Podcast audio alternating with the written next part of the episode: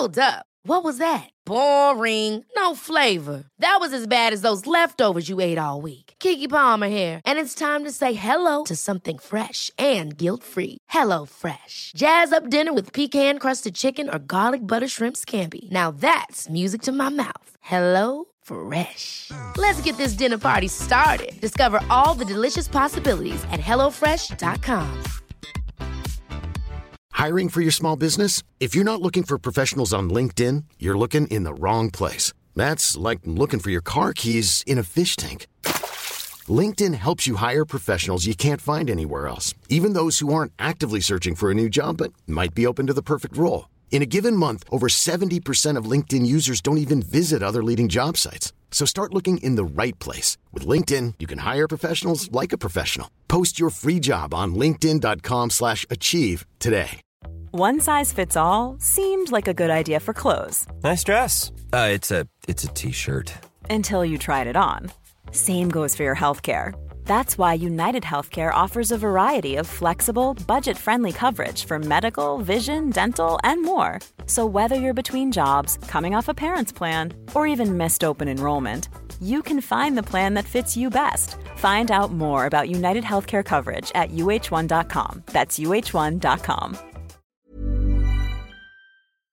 Helt sjukt alltså. Precis vaknat efter att ha sovit en god tio minuter på soffan. Alltså så här tidigt på kvällen, har det, när hände det senast? Nej, det är en bra fråga. Jag tror jag fick en sån sjuk matkoma efter middagen. Jag var kört dubbelpass nu ett par dagar i rad. Så eh, Mm. var jag ute och sprang nu precis. Käkade riktigt gött och sen så bara boom! Var det en kebabpizza med pommes och extra sås på nej, nej. eller? nej, nej. Jag har ju till och med matlådor från Fit Meals här i Göteborg vet du. Oj oj oj oj oj. Äter Det låter som en- väldigt trevligt. Gud! Ja. ja men det är bra, det är bss Kosten är lika viktig som träningen, säger Det är ju de. det. Jobba fysik mannen, jobba fysik. Jobba fysik här gubben. Sommaren 2023 ass. Måste jaga Simon Vasquez. Mån! Nej, men jag fick ju lite inspiration med kosten efter att ha fått eh, mitt, eh, mitt DNA-test som jag gjorde tillsammans med eh, Be at your best. Mm. Vad har du fått för resultat? Ja, alltså vad ska man säga? Jag fick ju, jag blev kontaktad, de har ju en, eh, jag vet inte vad är han, forskare typ? Ja, men han var ju en av de som har utvecklade, utvecklat Mm. dessa DNA-test på något sätt och eh, ja, Ja, han, han är väl en, han är ju typ expert på att läsa av dem för att när man gör en sånt här DNA-test så får du en rapport på 40 sidor. Exakt. Eh, så att det är inte så lätt att läsa av dem helt själv så att eh, här har man ju faktiskt turen att de hjälper den. Ja, nej, men annars hade man inte fattat någonting. Nej men det var som Nej. du sa, jag fick ju 44 sidor liksom i en pdf. Man bara ja. Men, eh, och så bokade han ett möte med mig och så sa han typ så här att ju mindre rekommendationer desto bättre förutsättningar har ditt DNA. Eh, lite så handlar det om ju. Och sen så då baserat på mitt DNA-test så har man ju olika bra förutsättningar och olika sämre förutsättningar. Sen är det ju alltid Mm. vad man gör av det liksom. Förstår man? Mm. Mm, precis. Ehm, Så att, eh, nej men det var väl egentligen det enda uppseendeväckande var väl att det man kan säga att jag har svårt för att bryta ner koffein, vilket man inte kan tro. Va? Ja. Men det är väl därför Alltså, om- inte... Ja. Det innebär ju att om du dricker en clean eller kaffe så påverkar det dig väldigt, väldigt mycket. Exakt, det sitter väldigt länge. Precis. Ja, Jag känner inte av så mycket. Det är väl det som är grejen. Nej. Men däremot så, ja. Så det var en sån. Men sen var det ju väl det som jag tyckte var mest intressant som jag har mycket nytta av. Det är ju hur man ska fördela sitt energiintag. Alltså eh, mellan kolhydrater, fett och protein. Och sen så då Mm. vilket sorts eh, fett och vilken sorts kolhydrater som eh, jag har lättare eller svårare för att eh, använda och omvandla till energi. Och eh, Mm. där kan man väl säga att det finns ju då, man, får, se en generell tabell på liksom genomsnittet och sen så får man då se sin egna, eh, sitt egna Mm. DNA.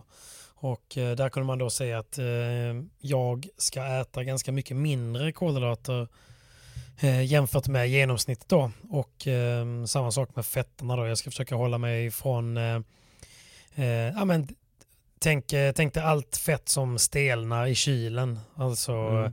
typ smör eller liksom eh, fettet i en entrecote eller alltså sådana grejer. Men däremot fettet från en eh, avokado eller en olja och sådana grejer är, eh, är lite mer eh, optimerat för mitt DNA så att säga. Mhm.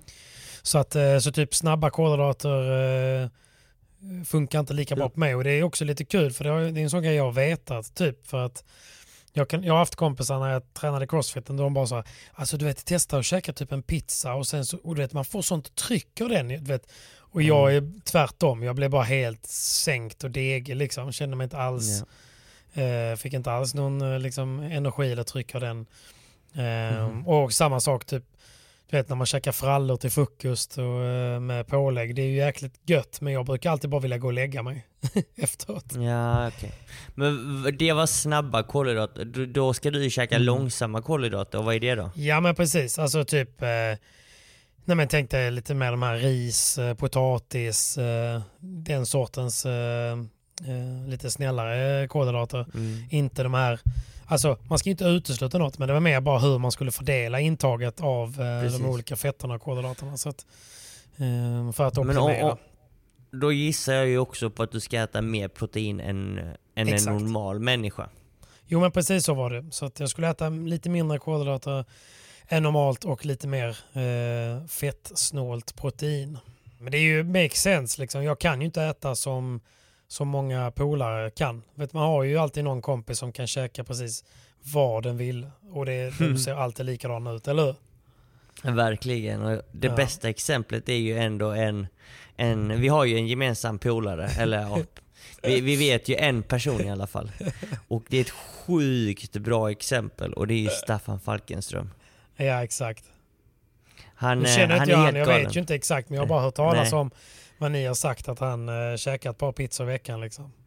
Ja men liksom han, han kan käka vad han vill, käka godis och sånt hela tiden tydligen och han har ju sitt åttapack där liksom på plats alltid. Mm. ja. Blir aldrig trött, bara gasa på liksom. Det är sjukt. Eh, det, det är orättvist ju.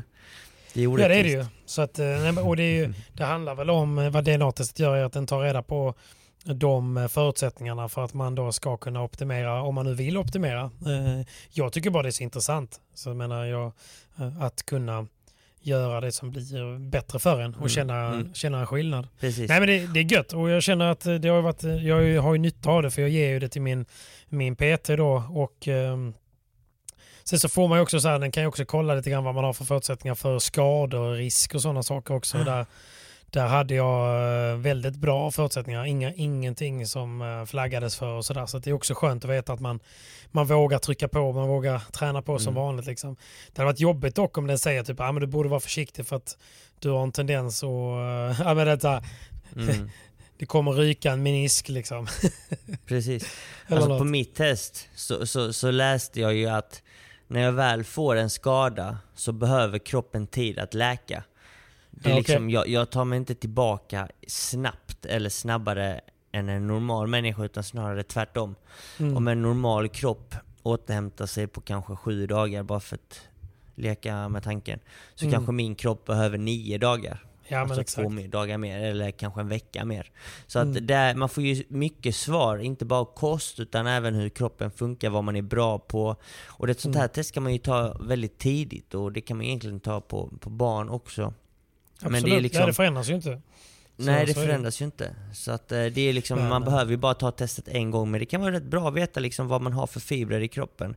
Om man, Verkligen. om man ska liksom satsa på ett maraton, eh, att bli maratonlöpare eller om man ska bli, jag vet inte, paddelspelare, tennis, fotboll. Precis. Man kan ju läsa av det rätt mycket. Och Sen kan man bli, man, man- kan ju bli, man kan ju bli precis vad man vill. Det där handlar ju Ja. som sagt bara om förutsättningar. Så att, eh, och, precis. Ja, det finns Vad man har lätt för och har lite svårare för. Så Exakt. att man kan ju alltid lägga ner mer tid på det man har svårt för. Eh, och eh, kanske mindre tid på det man har lätt för, för det utvecklar man lite snabbare. Och även skaderisken är rätt bra Men det är ju, veta. ja, liksom. precis. Nu var det ju inte meningen att det skulle bli världens reklamplugg för det där. Men det var bara, jag tyckte det var intressant. Mm. Eh, och eh, det har ju också gjort att man har fått en sån här bra push vad gäller motivationen för träning. Och, jag vet inte, det är god, eh, varit, haft ett par goa mm, fyra, fem veckor nu liksom. Eh, riktigt bra träning. Det är nice. Men du, Men du, back to the future. Back, back to the future. back to the future nu. Nu backar vi bandet och Hela vägen till. Globen eller? till Globen tycker jag. Det tycker jag. Så tycker att, eh, Mehdi, s- skicka bak oss till den nu.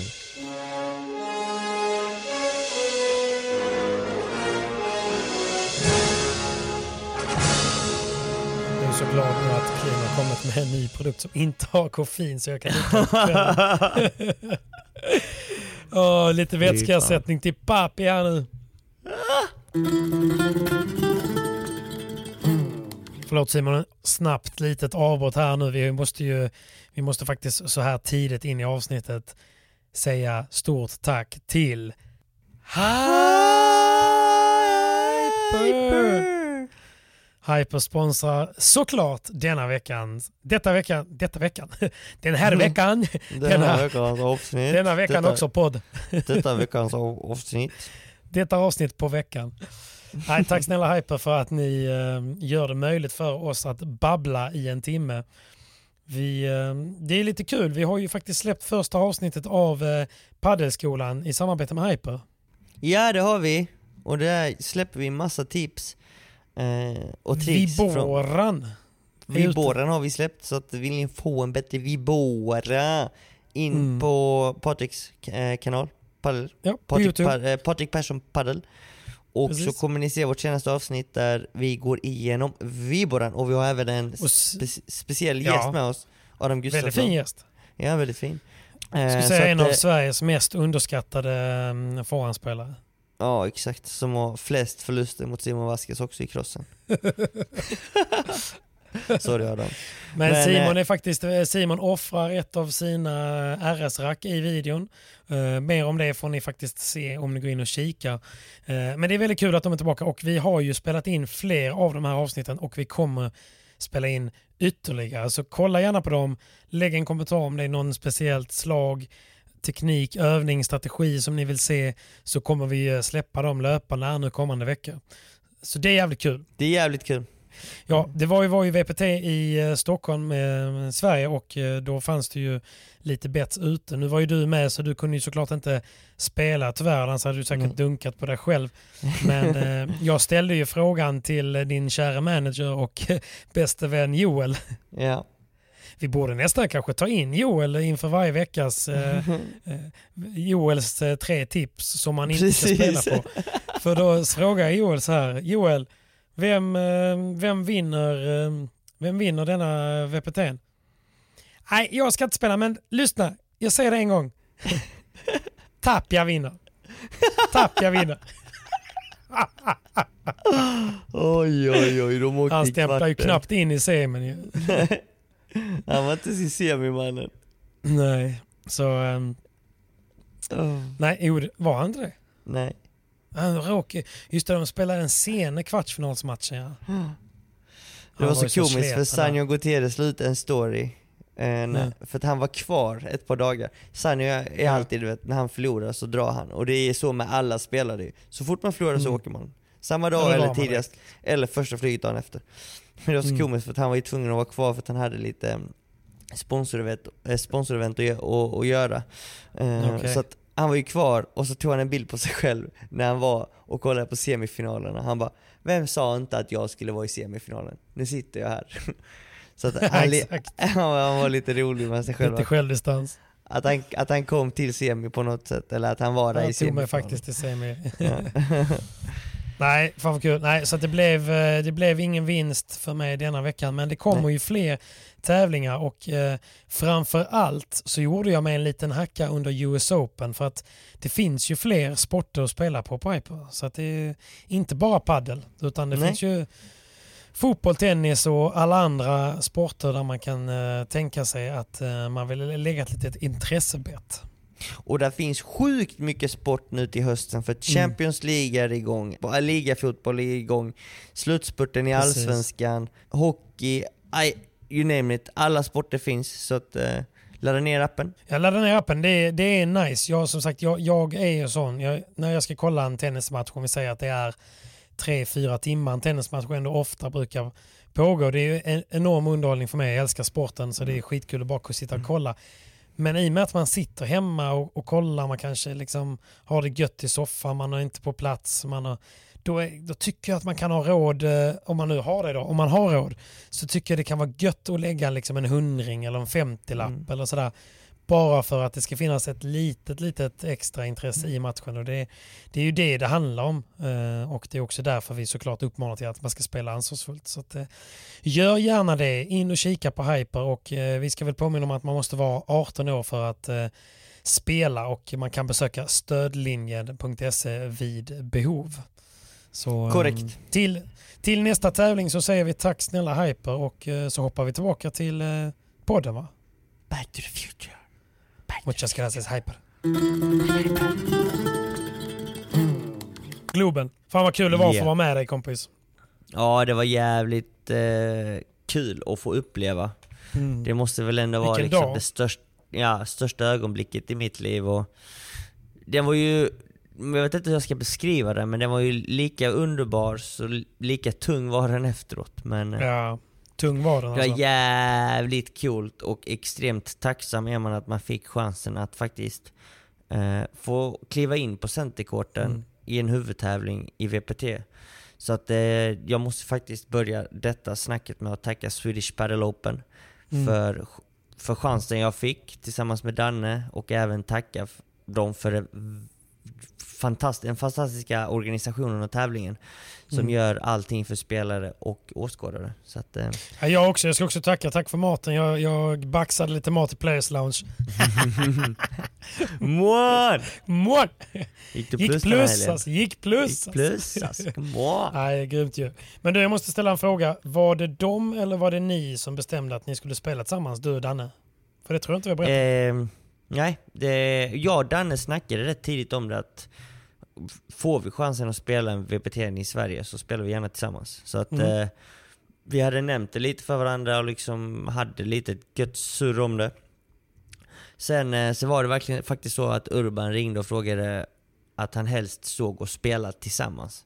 Vem är Urban? Han önskade ju det. Urban är ju då Tournament Director or Owner of World Padel Tour Sweden. Mm. Både Stockholm och ehm, Malmö. Han, har, han, är tillsammans med. Niklas har, exakt, han och Niklas är The Big Boss och har rättigheterna att eh, genomföra VPT i Sverige. Mm. Och eh, han, han ville gärna att jag och Danne skulle spela och sen så ville han ge chansen till Victor och Pierre. Han ville ha helsvenska par och han ville ju egentligen att vi skulle försöka göra det ingen annan har gjort. Att ett wildcard-lag som är helt från ett annat land förutom Spanien och Argentina att vinna en omgång i huvudtävlingen. För det, har- det har aldrig hänt innan. Det har aldrig hänt. Det är faktiskt bara två stycken som har fått wildcard som har lyckats vinna en match i huvudtävlingen. Eh, och det är faktiskt Danne Windahl och Christian Gutierrez i Danmark. Och sen Mm. vet jag inte vem det andra paret är om jag ska vara ärlig. Men det är ett par till. Eh, frågan jag börjar tänka på om- Amanda Gerdo, men hon fick inget wildcard när hon vann sin... Nej. Med, Nej, hon kvalade in och det var ju i Österrike om jag inte miss... Precis, hon gjorde det riktiga jobbet om man får nämna det så. Ja, Men ja, det, är inge, det, är inge, det är bara Danne och Christian då. Eh, och det är ett par till, nu kan jag inte komma på vilka det var men jag vet att Danne nämnde det för mig.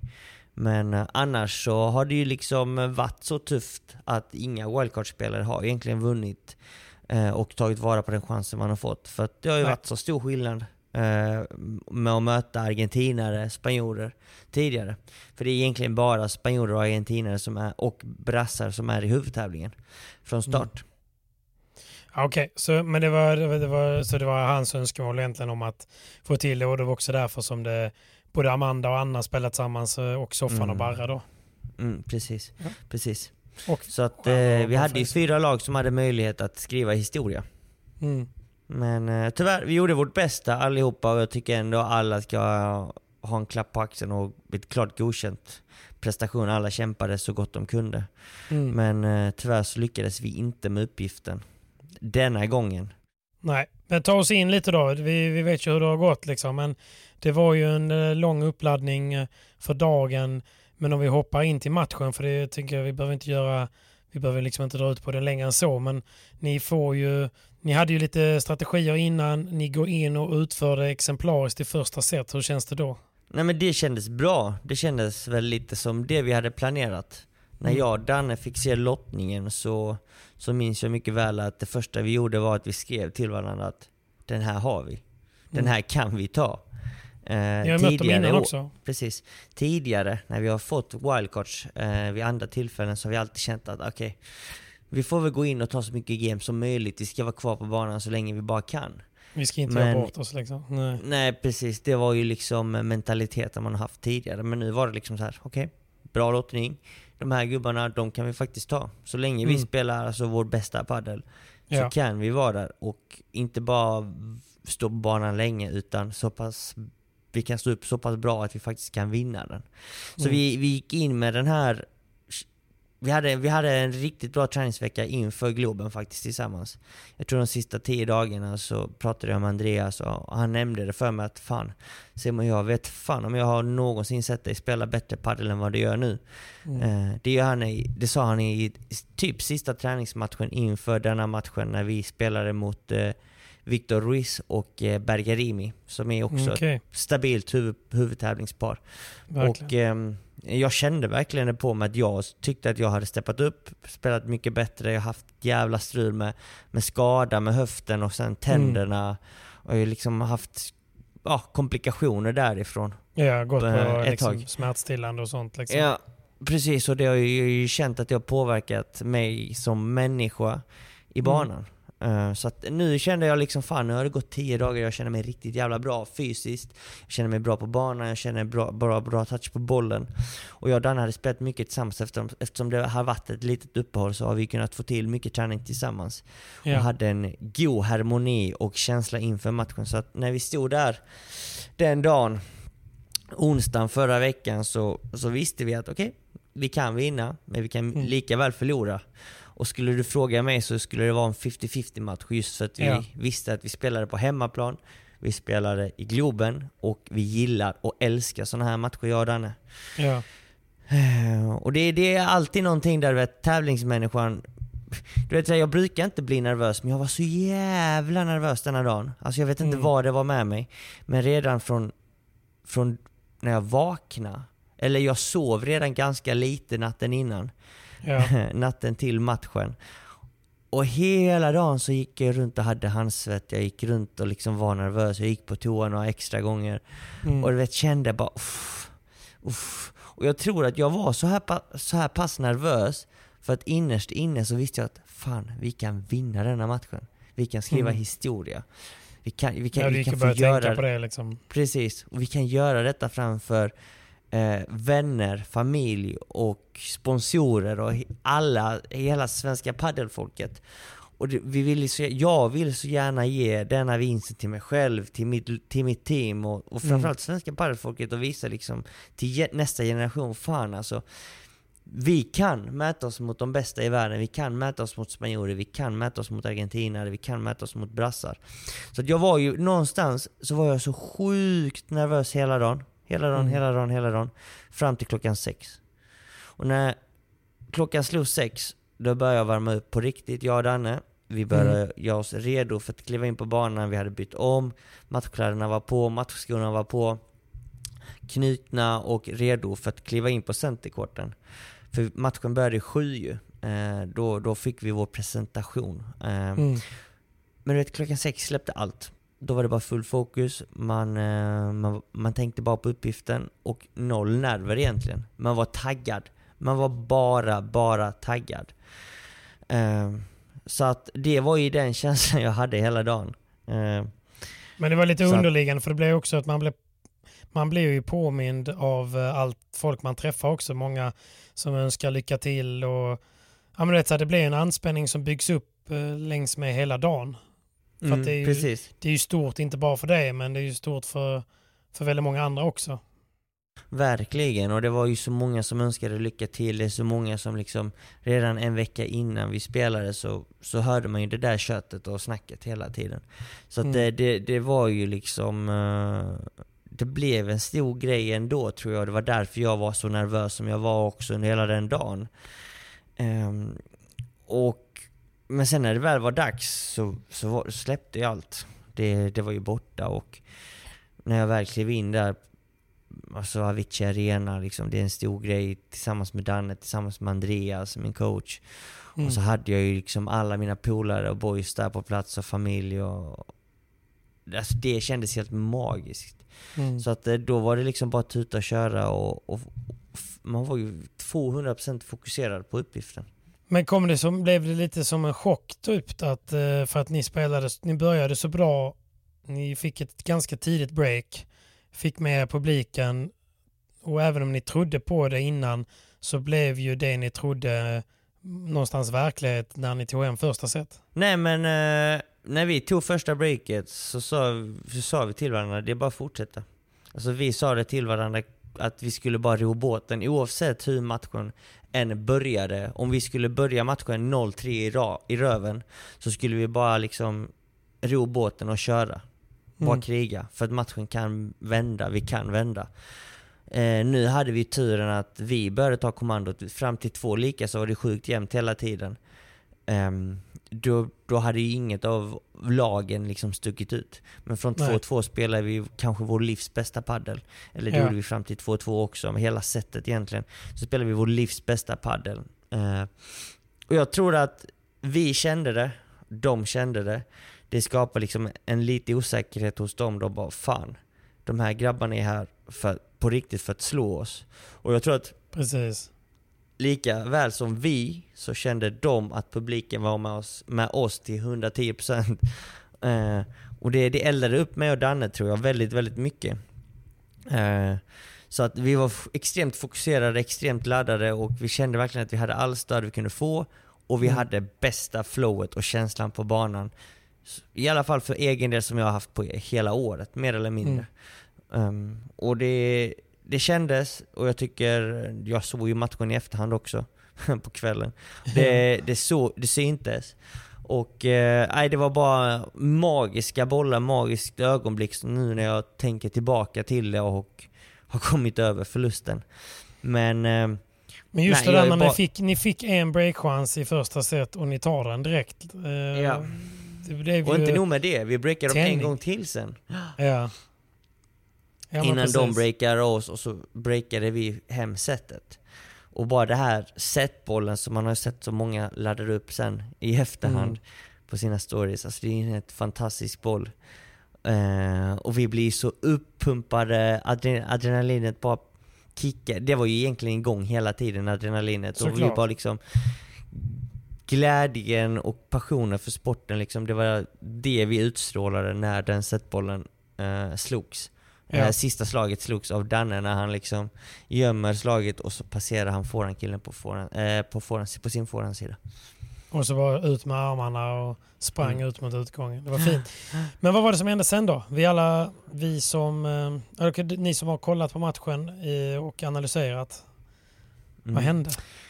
Eh, ja, alltså jag har ju sett om denna matchen. Eh, och det som hände var väl egentligen att vi börjar andra set. Vi servade ju. Eh, Ja. Vi börjar med, med, med att missa. Alltså vi gjorde ett dåligt, dåligt jävla pissgame som vi inte hade gjort på hela matchen.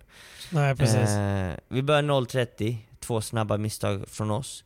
Eh, och därefter kom vi inte tillbaka i det gamet. Så att Nej. där lyckades de breaka oss. Vi, vi gav dem liv. Vi, genom det där breaket så säger, vi visar vi och ger dem känslan att okej, de, de här grabbarna är inte omöjliga, vi kan faktiskt vända matchen. Och Mm. det var väl liksom turning point egentligen. Men de fick in den momentum där. breakbollen. Ja, de fick ju momentum och turning pointet vände där när de slog in breakbollen. Eh, De fick börja leda 1-0. Eh, Sen höll de till 2-0. Man brukar ju säga att man har inte breakat förrän man håller sin egna serve efteråt. Vilket de lyckades med. Så att de var ju ledde med 2-0. Sen höll vi till 2-1 och så höll vi all... Ja, paren höll sina servegamer sättet ut. Vid 5-4 skulle de serva hem det. eh, Och lyckades stänga det sättet bra. Ja. Vi hade, vi hade möjlighet, vi hade lite chanser att faktiskt breaka dem. Eh, taktiskt sett, om man kollar på matchen så spelar vi ju sjukt bra taktiskt. Och eh, Mm. väldigt, väldigt, väldigt, väldigt disciplinerat första set. Andra set så så gjorde vi också det, men inte lika bra. Vi hade få dippar här och var, vilket gjorde att osäkerheten ökade lite i spelet. Eh, vi, hade, vi, vi tvekade aldrig en sekund första set. De, eh, de ändrade taktiken lite. Eh, kollar man på siffrorna Mm. individuellt per spelare så, så såg man ju den stora skillnaden på forehandkillen, eh, Salva, eh, i andra set och tredje set. Första set så, så var de ganska solid. De hade kanske tre, fyra vinnare var, en, två misstag var. De missade inte mycket heller. Ehm, utan vi väntade och hade ganska många winners, jag och Danne. Eh, väldigt få misstag från vår sida också. Men Salvaoria går från, från att ha typ kanske 4-2 statistik i första set, alltså fyra vinnare, två misstag, Mm. till ett andra set där han går 9-1. Vilket innebär att han gör nio vinnare och ett misstag. Och för er Ja. som inte är så vana vid att läsa av dessa siffror, nio vinnare för en forehandspelare är extremt mycket. Nio vinnare kan vara OK som en backhandspelare, eller bra för en backhandspelare till och med. Verkligen ju. Hans- det är ju två hans- game. Man vinner två game själv liksom. Precis, hans backhandpartner då, eh, Jorge, han hade kanske, om inte jag minns fel nu, men runt sex vinnare. Max i sin höjd. Och typ Mm. två, tre misstag. Eh, så att en backhandspelare ska ju ha fler vinnare och fler mi- misstag för att den spelaren går oftast för fler slag. Ja, Medan en avsluten, forehandspel- liksom. Mm. Precis. Och forehandspelaren ska ha mindre misstag eh, och mindre vinnare. Winners. Mm. Men eh, där Om var ju. Salvadoria, precis, och Salvadoria var ju överlägsen här. Ehm, även i tredje set så slog han sex eller sju vinnare och noll misstag. Så vi snackar om att deras forehandkille, han går ju andra set och tredje set med ett misstag. Men visst var det så att er strategi var att, eh, att spela ganska mycket på eh, forehandspelaren just för att eh, backhandspelaren var lite bättre. Var det inte så? Strategiskt sett så, så hade vi taktiken att lobbarna skulle gå mot mitten för att backhandkillen skulle söka dem. Ja. Eh, vi skulle undvika backhandkillens backhand. Han skulle inte få försvara med sina tvåhandsfattade backhand. För där är han sjukt bra på att kontrollera spelet och styra spelet. Eh, han öppnar mycket vinklar och Mm. gör vår bana extremt stor därifrån. Så det slaget skulle vi undvika. Eh, tanken var att jag skulle variera min vibora mycket mot eh, forehandkillen. Både gå djupt mot hörnet, gå mot hans backhand löst ibland och sen snabbt utåt igen. Eh, och det var egentligen taktiken sen så vi, vi, vi låste aldrig matchen att vi bara ska pumpa en spelare utan vi ska spela organiserat, rätt bollar på rätt gubbe och verkligen snacka med varandra och förklara för den ena och den andra vart de andra står när den andra får bollen. Eh, Så att det var egentligen bara backhand, killens backhand vi skulle undvika. Vi skulle tänka på små delar, att droppa dem, droppar vi tillbaka. Att vi lämnar över problemet till, till dem och ser vad som händer. Vi skulle Okej. vara väldigt... eh, när vi väl lobbar så, så visste vi att okej, lobbar Danne cross så kan jag sticka. Men eh, vi hade ju tanken och strategin att låt oss säga att Danne lobbar cross, att jag kunde leka med min position och gå fram för att sätta press på backhandkillen och att han var tvungen att slå en bra boll på Danne. Mm. Eh, och när han misslyckades med det kunde jag ju hoppa in med min backhandvolley och dippa ner liksom. den på... Precis. Eh, och det funkade väldigt bra i första set. Alltså Ja. extremt bra. Samma sak tvärtom sen när jag lobbade cross på Salva, på forehandkillen. Då kunde Danne jobba fram eh, och tjuva lite där i mitten. Eh, Mm. Och det gav mycket poäng. Det båda gjorde väldigt, väldigt mycket bättre sen, det var ju verkligen att de la bollarna de, de, de spelar med lite mer risk, lite mindre marginaler egentligen. Fast ändå så såg det så enkelt ut av dem för att de tog rätt beslut. Att så fort jag gick fram så gick backhandkillen för galler kanske. Eller när vi båda stod, när en av oss stod halvt och han fick en högboll så såg han verkligen till att lägga ner bollen på våra fötter. Ja, just det. Eh, och spela bollar på vinklar som vi inte förväntade oss när boll, där bollen skulle komma. Så de, de, deras spel, om det inte så mycket till världen ut, så, så spelar de extremt bålsnålt. De gör inga misstag. De slår oftast alltid rätt slag. Eh, Mm. De bör öka tempot pyttelite, framförallt forehandkillen. Men sen så bör de överraska oss lite och eh, spela framförallt mot våra fötter och, och överraska oss lite mer från sina bajada de pared, alltså Mm. deras efter bakglas när man, när man trycker till den. Mm. Eh, och det, de kom förbi oss några gånger. Eh, och för varje gång de kom förbi oss så blev vi lite mer osäkra vilka ytor vi skulle täcka. I, bör, i, bör, i början av setet, i första set så, så tvekade vi aldrig. Vi kunde läsa bollen lite rätt typ. Vi Mm. hade rätt eh, känsla om vart de skulle slå bollen och vilken boll de sökte och vilket spel de ville spela. Sen var det liksom att de ökade vår osäkerhet lite grann. Och vi tvekade och det, väl, det var väl egentligen de små, små tveksamheterna som gjorde att vi dippade lite i andra Mm. set, framförallt första gamet. Och det var egentligen Precis. där sättet Och de fick en iväg. liten chans att ta sig tillbaka in. Men är det inte också det som skiljer sig lite när det gäller den här typen av nivå på padel också? Att de, eh, de analyserade lite hur ni kanske spelade första set och sen gjorde de mikrojusteringar Mm. inför andra. Mm. Eh, samtidigt som, samtidigt som eh, kanske också att ni spelade väldigt, väldigt bra i första och Mm. inte att ni gick ner er men kanske inte tog lika stora risker i andra som ni gjorde i första Nej. som gav bra betalt. För att man ledde men- liksom och man vill inte tappa det. Alltså förstår du vad jag menar? Ja, precis. Lite så. Och sen så, då, det vi gjorde mot dem i första set, vilket var att vi väntade, vi väntade, vi, vi vågade gå för det när vi väl hade bollen klart och tydligt och vi var aggressiva när vi skulle vara aggressiva. Lite det gjorde de mot oss i andra set. Mm. De började lobba bättre, de började neutralisera bollarna och när de väl hade läge så slog de ju och hittade winners på oss. Så att man kan egentligen säga att det de gjorde var att de ökade tempot lite för att vi hade kommandot första set, vi styrde tempot. Eh, de försökte men lyckades inte. Eh, och där, där gick, ju- när momentumet gick över till deras fördel så kunde de spela lite tyngre volleys. De kunde ta kommandot samtidigt som de spelade långsammare och eh, justerade små, alltså få slag som vi kunde använda.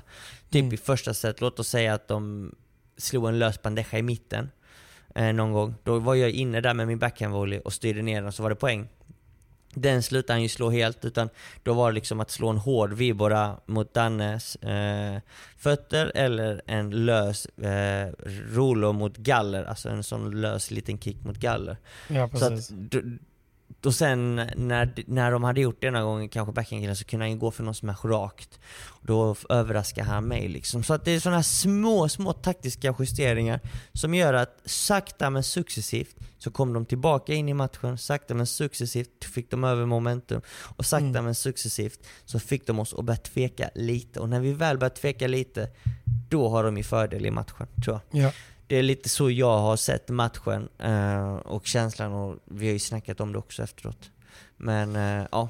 Och, och sen och, ja. och sen så efter att de stängde andra set så började de tredje set exakt likadant. Eh, vi låg under 3-0, dubbelbreak.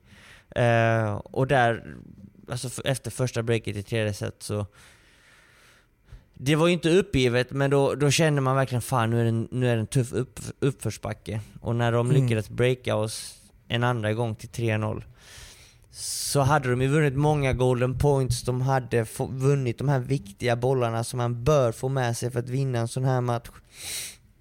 Och vid 0-3 så- 3-0-breaket var ju också helt bisarrt för att ehm, det var ju Golden Point där ni spelar en lång boll.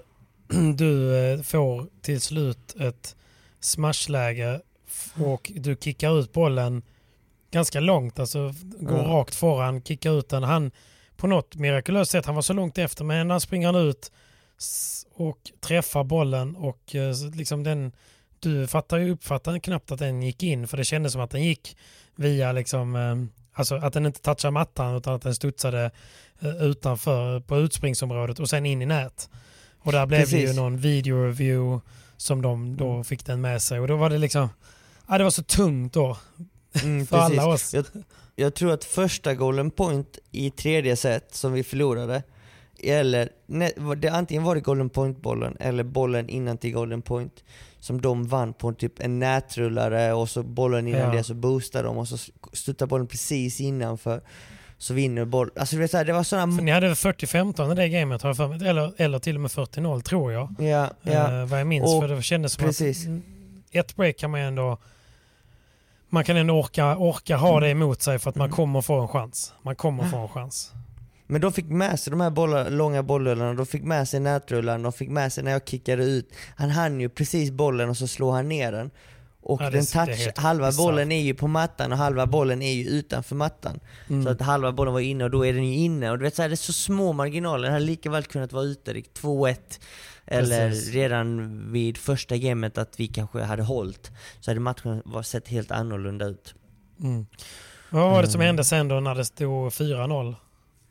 Och, Alltså eh, vi, i- precis, vi, vid 3-0, vid den smashen så kände jag lite, oh, min...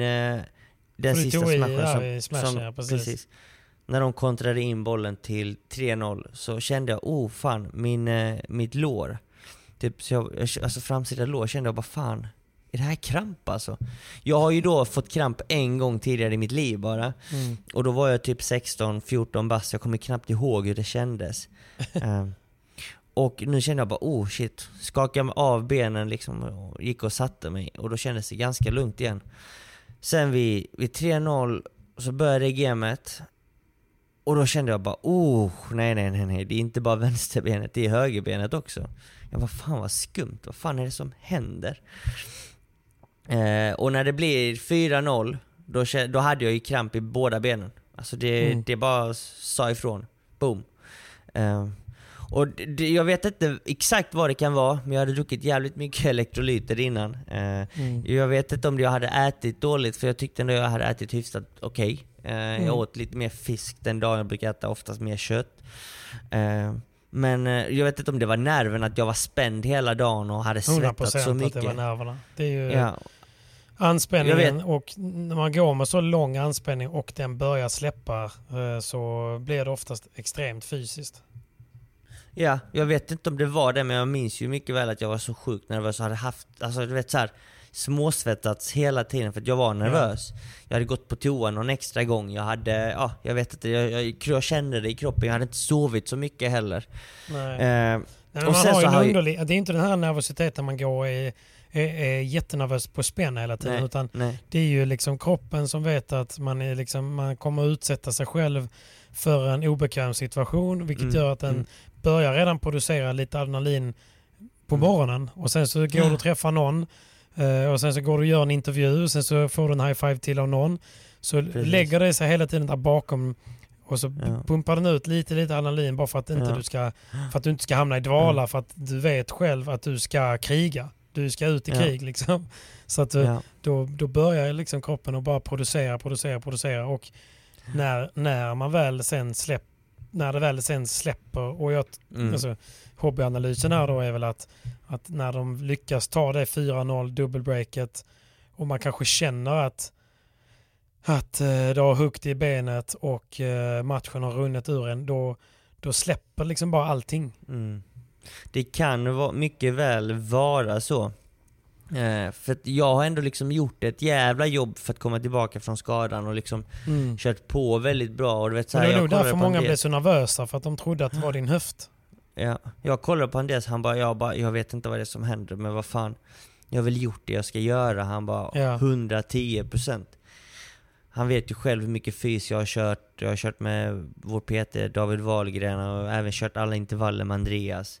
Och teamet tillsammans. Så att jag, jag tyckte det var konstigt. Sen så, ah, jag vet inte. Alltså det var, jag vet inte. Det är sjukt svårt att veta. Jag tror inte det, man kommer få svar på det heller. Men jag är Nej. inte den som brukar få kramp. Kollar man kanske på vissa andra, typ Dineno brukar ju oftast få kramp. Mm. Eh, det, det, det har ju, och du vet så här, jag tar ju liksom eh, magnesium varenda kväll innan jag går och lägger mig. Så jag Ja. tar ju mina kosttillskott som jag ska göra och, och jag, jag missar ju väldigt sällan dem. Eh, så det, det, var, det var märkligt för jag, jag har ju inte fått kramp tidigare.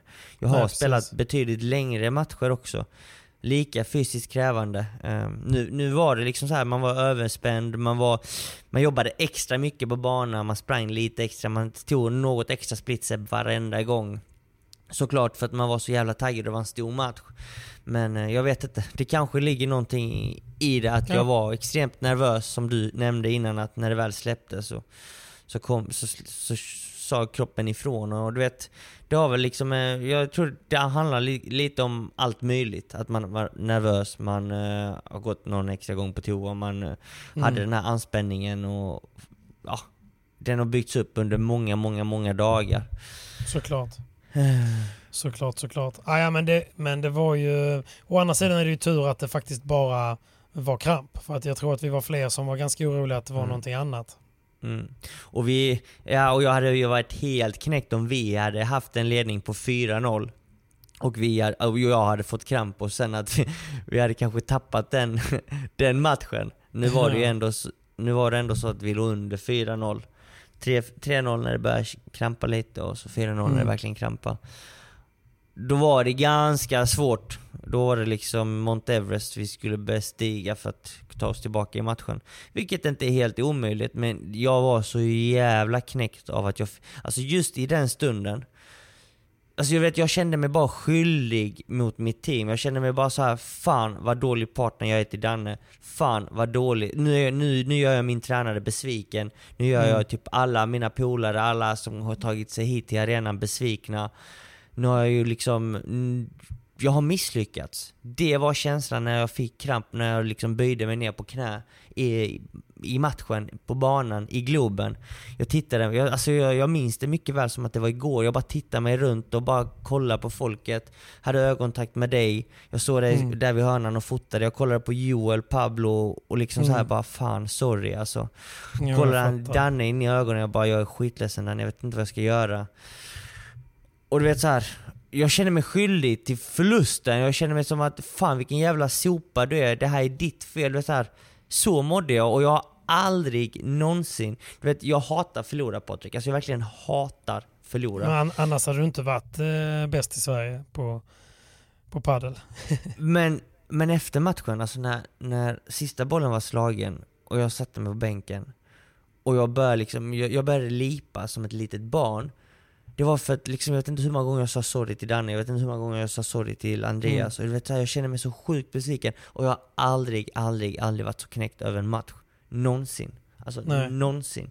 Och nu snackar vi att jag var det när vi förlorade mot två spelare som är topp 40, vilket också är helt galet. Men där i stunden så tänkte jag inte på det, utan jag var bara så jävla besviken. Jag hade liksom let everybody down och jag bara, nej jag vet inte. Det var, det, jag, hade, jag mådde så dåligt. Ja, mm. Jag vet inte hur jag ska beskriva det egentligen. Nej, men du vet, jag har suttit här nu och precis redigerat uh, färdigt, uh, färdigt vloggen, eller vloggen, eller minidokumentären egentligen. Jag följde er mm. under hela dagen och uh, ska släppa den här nu samtidigt som den här podden är ute.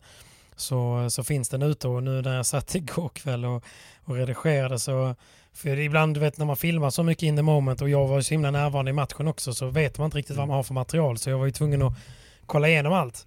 Ehm, ja. Och, och, direkt efter, jag vet ju själv, jag, jag kan vara en ganska, kan, det, kan vara, det är så hemskt att förlora vissa matcher så att jag vet ju inte, jag tycker själv det är så jobbigt och sen när det blev som det blev, jag tyckte också så sjukt synd om dig liksom, så jag backade ju bara undan och liksom ville ge dig space. Men jag filmar ju ganska mycket eh, och när jag satt och kollade på de filmerna igår så bara du vet, kolla Angelica på mig och, och fråga vad det, vad det var som hade hänt för jag satt bara och lipa. det var så hemskt. Det var så det fint. Var hemskt. Alltså det, var, det var hemskt på ett sätt men det är också så här, det är det ultimata, alltså det är så ultimat varför det är så nice att vinna i idrott. För att det måste finnas den exakt liksom, kontrasten till det fina, alltså det upphöjda måste det finnas eh, det nedsänkta lite och det symboliserar så himla mycket det och hela gänget kom fram och kramade dig och du var helt knäckt liksom och man såg hur, hur, eh, liksom, hur mycket skuld du liksom hade på dina axlar där och det var det är jävligt jobbigt på ett sätt, förstår jag menar? För att man vill ju bara hjälpa dig men samtidigt så vet man ju att det finns ingenting man kan göra mer än att vara där och låta tiden gå liksom. Mm. Det, mm. det var tungt men det är också Alltså det, det är också fint, om du förstår vad jag menar. För att det blir ju... Mm. Det är ju det är ett kvitto på det ni håller på med och all tid ni lägger ner och alla, all träning ni gör på att ni har gått från att jaga game till att känna att fan, hade jag... Nej men, ni var där. Ni hade en chans. Mm. Ni fick chansen denna gången. Mm. Eh, nu, när, nu när det har lagt sig lite och du har hunnit springa vidare så, så blir det ju istället liksom en, ja men det är lugnt.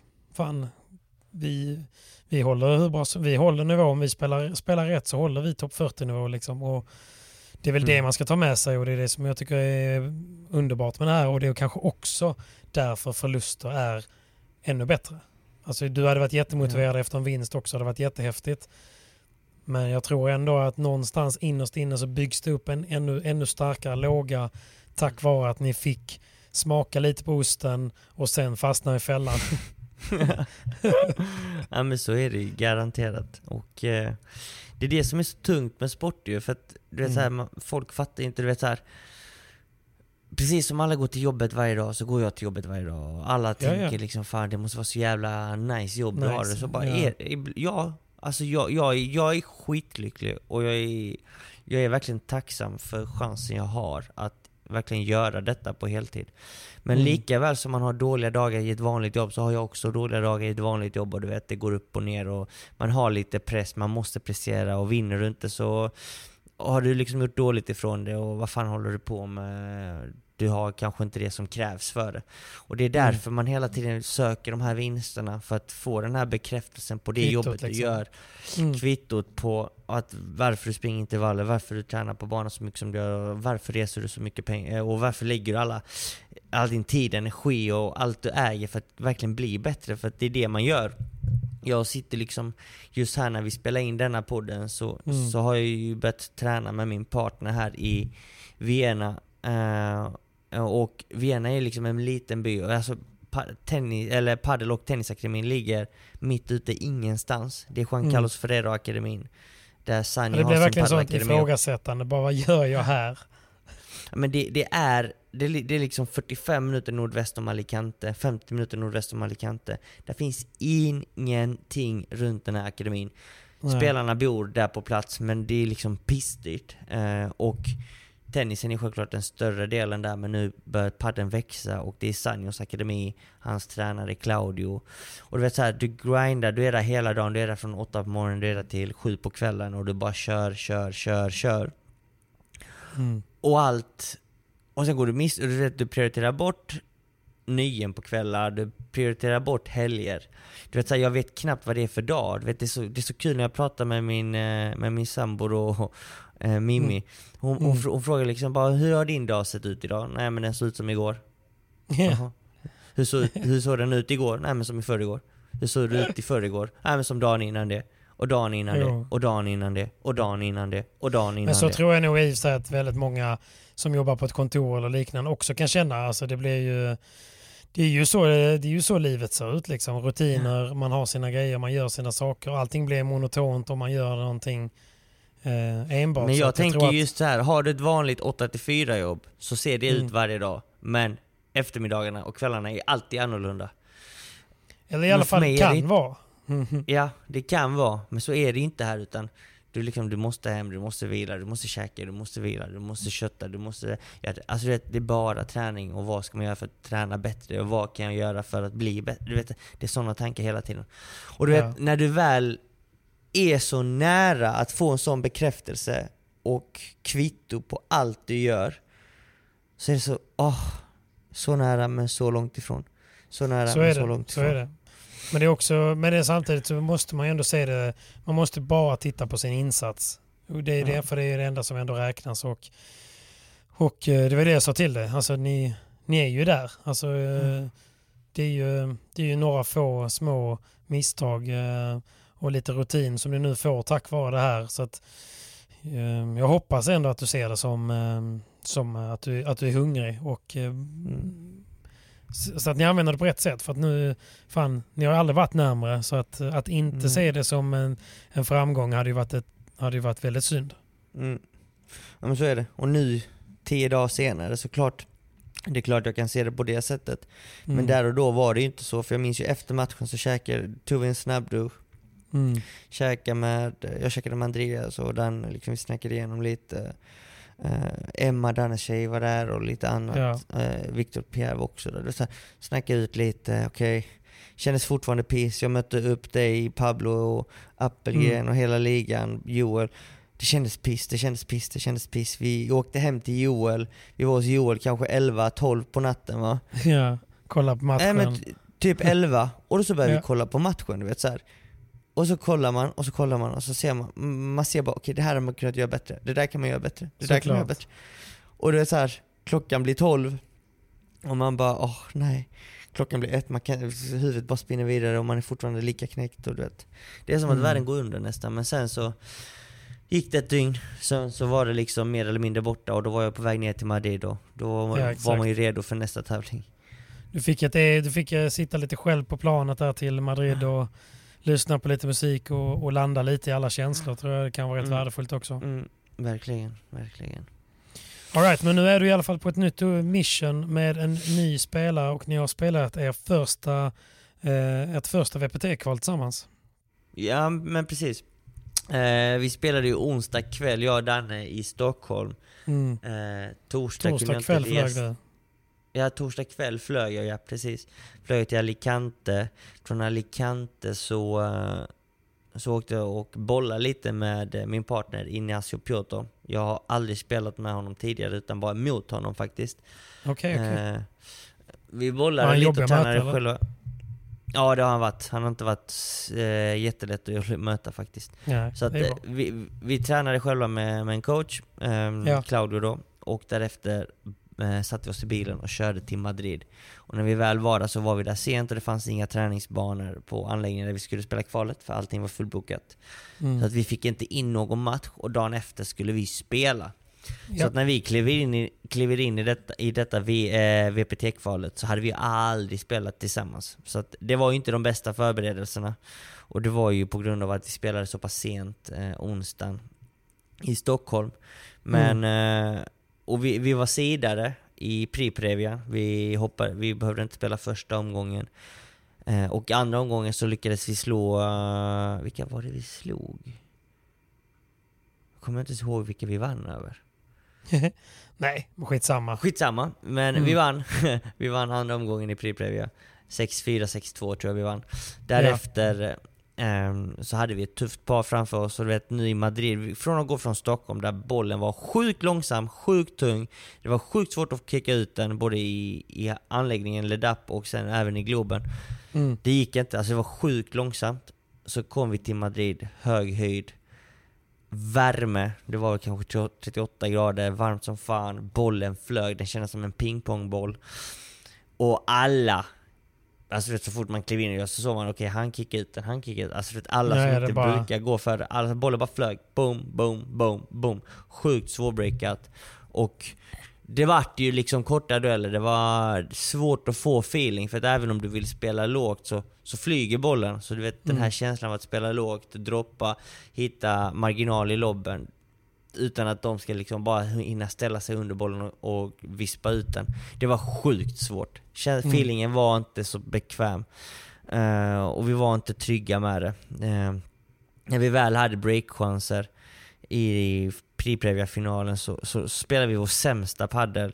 Vi var osynkade i många fall. Alltså, vet här, vi spelade nog lite sämre i de viktiga bollarna för vi var så osäkra på vad, vad det var för typ av spel vi sökte. Ja. Och att den andra inte visste vad man själv skulle göra och tvärtom.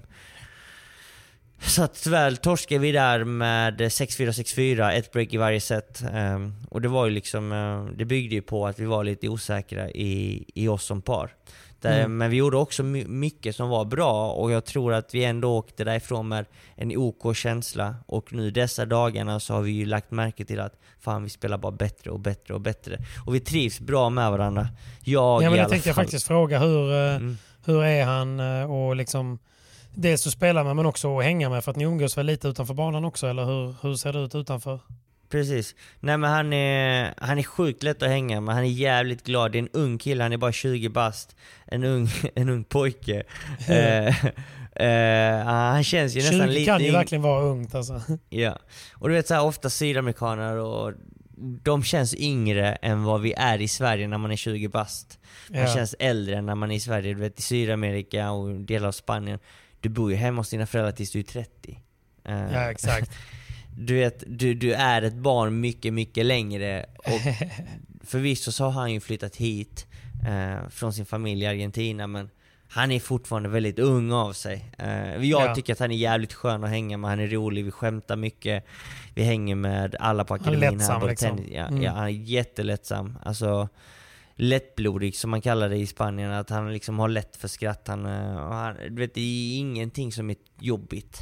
Nej. Och eh, sjukt trevlig, snäll, eh, skämtsam. Sen så på banan så är han sjukt explosiv. Vi är lika, han är ganska kort för att vara backhandkille. Men, eh, men han har sjukt bra teknik på smashen. Eh, han är aggressiv i volleyn. Du vet, jag, han, pa- han, jag gillar hur han spelar och jag tycker han passar mig också som spelare. Definitivt. Och eh, likaså tvärtom. Så att jag tror vi kan spela sjukt bra tillsammans och vi, vi kommer verkligen ge den en chans och vi är sjukt glada på banan Mm. faktiskt. Och just att det blir bättre och projekt då. bättre och bättre och bättre. Precis. Kemi är ju ändå fan jävligt viktigt. Alltså man eh, spelar väldigt mycket och om man ska orka vända typ jobbiga matcher, för man kommer alltid hamna i jobbiga, kniviga sitser när man spelar de här tuffa tävlingarna som ni Mm. gör. Då är det ändå viktigt att man, att man känner att man orkar eh, investera i personen. om du förstår vad jag menar. Ja, Ibland, ibland har jag verkligen. spelat med några som har varit betydligt bättre än mig. Men Mm. man har bara känt så här typ att, nej men fan, jag gillar inte riktigt hur den beter sig. Den förtjänar inte riktigt Nej. ens mitt fokus. Liksom. Alltså kan, jag, kan Ja. du förstå vad jag menar? Nej precis, jag Och, fattar vad du eh, menar. Och då är det, så det är ändå gött att man känner att man har den så att man kan, man kan garva ihop och man kan eh, kriga ihop. Det är Verkligen, viktigt. Definitivt. Kul, jag ser fram emot att träffa honom. Ju- Få jobba på hans engelska. Ja, det är så kul. Jag, jag håller faktiskt på att lära honom lite. Han vill ju lära sig engelska. Ja, det är bra. Så att eh, vi är i det faktiskt. Att, eh, Se till han att det är viktigt plugga. för sponsors. Ja, precis. Han är, han är ju, här på, på akademin så finns ju en skola. Så han ska ju Mm. börja plugga engelska också. Så att han inte bara försöker lära sig själv. Så att eh, förhoppningsvis så, så kan han säga någonting snart nästa gång. han kan, ja, ja, tanken är att vi ska försöka spela i Sverige också. Så, att, Ja. eh, för, så förhoppningsvis så, så får ni övriga svenska padelfolket också se honom spela och eh, surra lite med honom. Um, eftersom de inte sänder VPT-matcher så, så är det svårt att, att se vad han går för och hur han spelar och vad han är för typ av människa. Men vi ska försöka ta honom till Sverige och jag vill ju gärna spela alla vi, vi har ju bestämt att vi ska spela alla tävlingar tillsammans så att, eh, Mm. det ska bli jävligt kul. Fan vad skoj. Okej, så nu är du alltså i Alicante då? Var, eh, och hälsar på Slytan eller? Ja men lite, jag hängde häromdagen och jag ska dit imorgon också och köra en liten americano. Hur är ehm, Orange Paddle, eller vad heter den? Mm, precis. Orange Paddle. Eh, precis nyöppnat. Eh, de har en del kvar att göra. Men banan är uppe, baren är öppen. så det är, det, det är god stämning. Jävligt nice. Det kommer bli klockrent. Så att eh, befinner ni er här i Torrevieja-området så sväng förbi. Slytan är jävligt god. Om inte han är där så är det hans tjej. Eh, så att eh, jag, jag kommer också vara en del. Så att eh, kom förbi. På kvällarna är jag där kanske.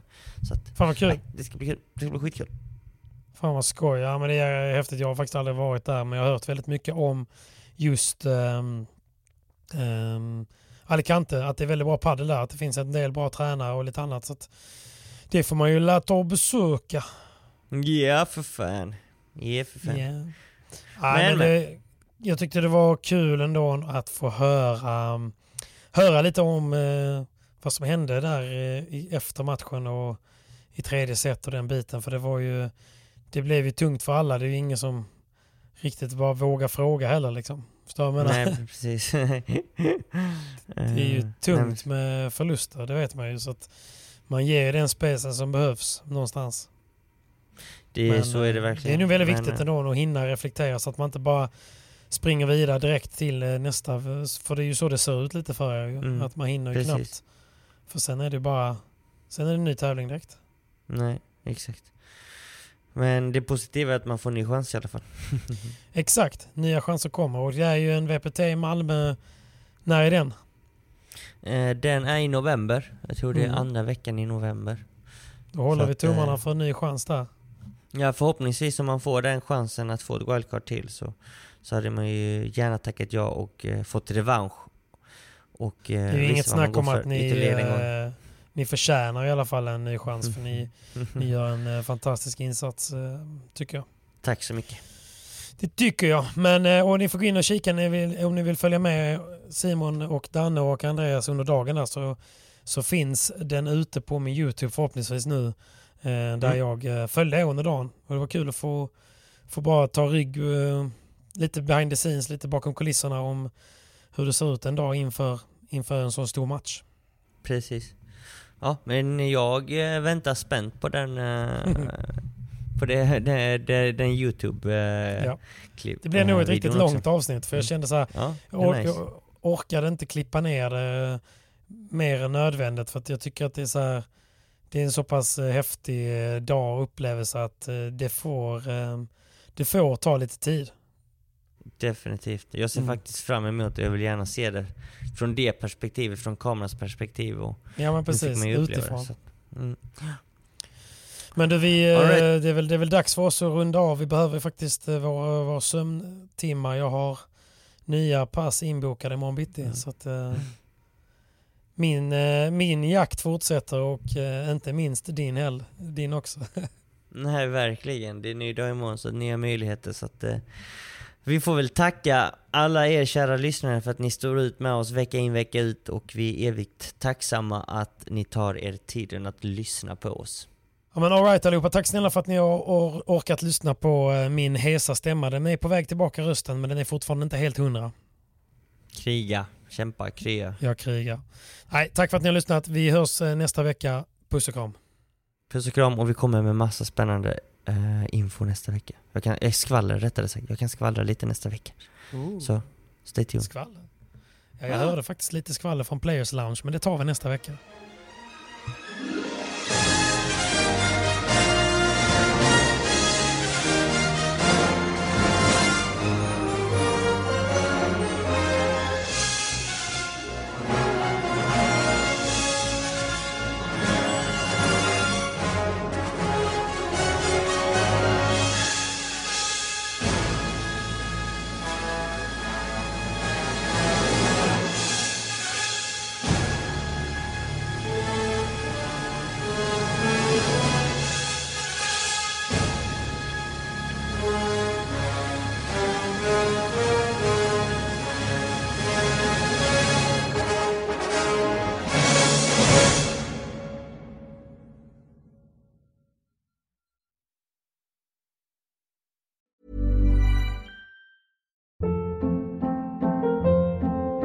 Hold up. What was that? Boring. No flavor. That was as bad as those leftovers you ate all week. Kiki Palmer here, and it's time to say hello to something fresh and guilt-free. Hello Fresh. Jazz up dinner with pecan-crusted chicken or garlic butter shrimp scampi. Now that's music to my mouth. Hello Fresh. Let's get this dinner party started. Discover all the delicious possibilities at hellofresh.com.